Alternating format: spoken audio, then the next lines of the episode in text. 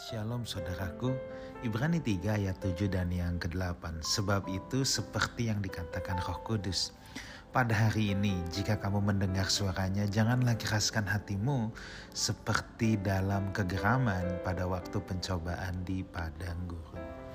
Saudaraku, sejatinya Tuhan berbicara kepada setiap kita itu setiap hari dan setiap saat melalui apa saja dan kapan saja.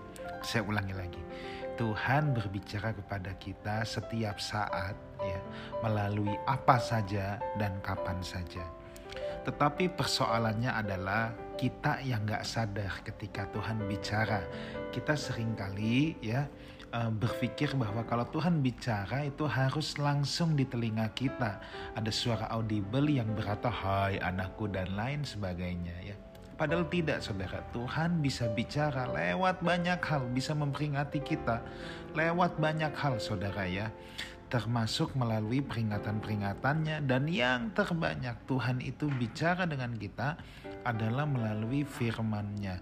Tetapi persoalannya saudaraku, kalau kita malas membaca firman, bagaimana mungkin kita bisa mendengarkan suara Tuhan? Sebab Tuhan berbicara terbanyak lewat firman-Nya. Nah, selain lewat firman di mana Tuhan yang terbanyak bicara pada saat kita merenungkan firman-Nya, kita berkontemplasi dalam satu teduh kita, Tuhan juga sering kali berbicara kepada umatnya melalui banyak peristiwa hidup, banyak keadaan saudara ya.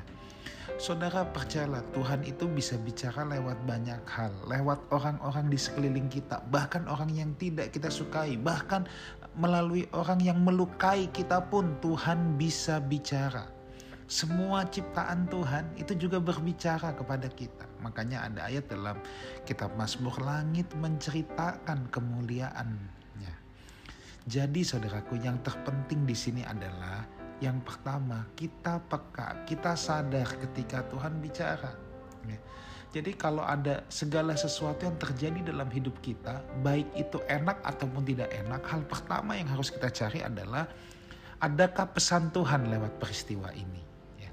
Nah, masalahnya manusia kadangkala dirasa gerusu, cepat marah dulu, cepat emosi dulu. Tetapi dia tidak memikirkan apakah Tuhan sedang berbicara kepada saya lewat peristiwa apa yang sedang saya alami. Nah, harusnya manusia itu merenung, banyak merenung ya. Kita banyak merenung dan berpikir, apakah Tuhan sedang bicara sama saya? Jangan cepat bereaksi dulu, Saudara. Jangan cepat bereaksi. Yang kita harus lakukan adalah kita merenung dulu. Ya, kita bertanya dulu sama Tuhan, Tuhan apakah Engkau sedang bicara? Nah, hal yang kedua ya, jangan keraskan hatimu kata Alkitab. Kalau kita tahu Tuhan bicara, ya, kita harus melembutkan hati kita.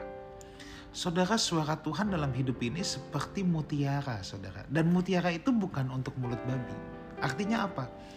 Kalau kita mengignore terus-menerus peringatan-peringatan Tuhan, lama-lama Tuhan tidak akan bicara lagi. Itu sebabnya kalau kita kalau kita sudah uh, mendengarkan peringatannya, kata Alkitab jangan keraskan hatimu. Justru yuk lembutin hati kita, saudara. Lembutin hati kita. Kalau kita bisa melembutkan hati kita, kita melakukan apa yang Tuhan perintahkan, maka saya percaya pendengaran rohani kita akan semakin tajam. Kiranya Tuhan Yesus menyertai kita semua. Amin.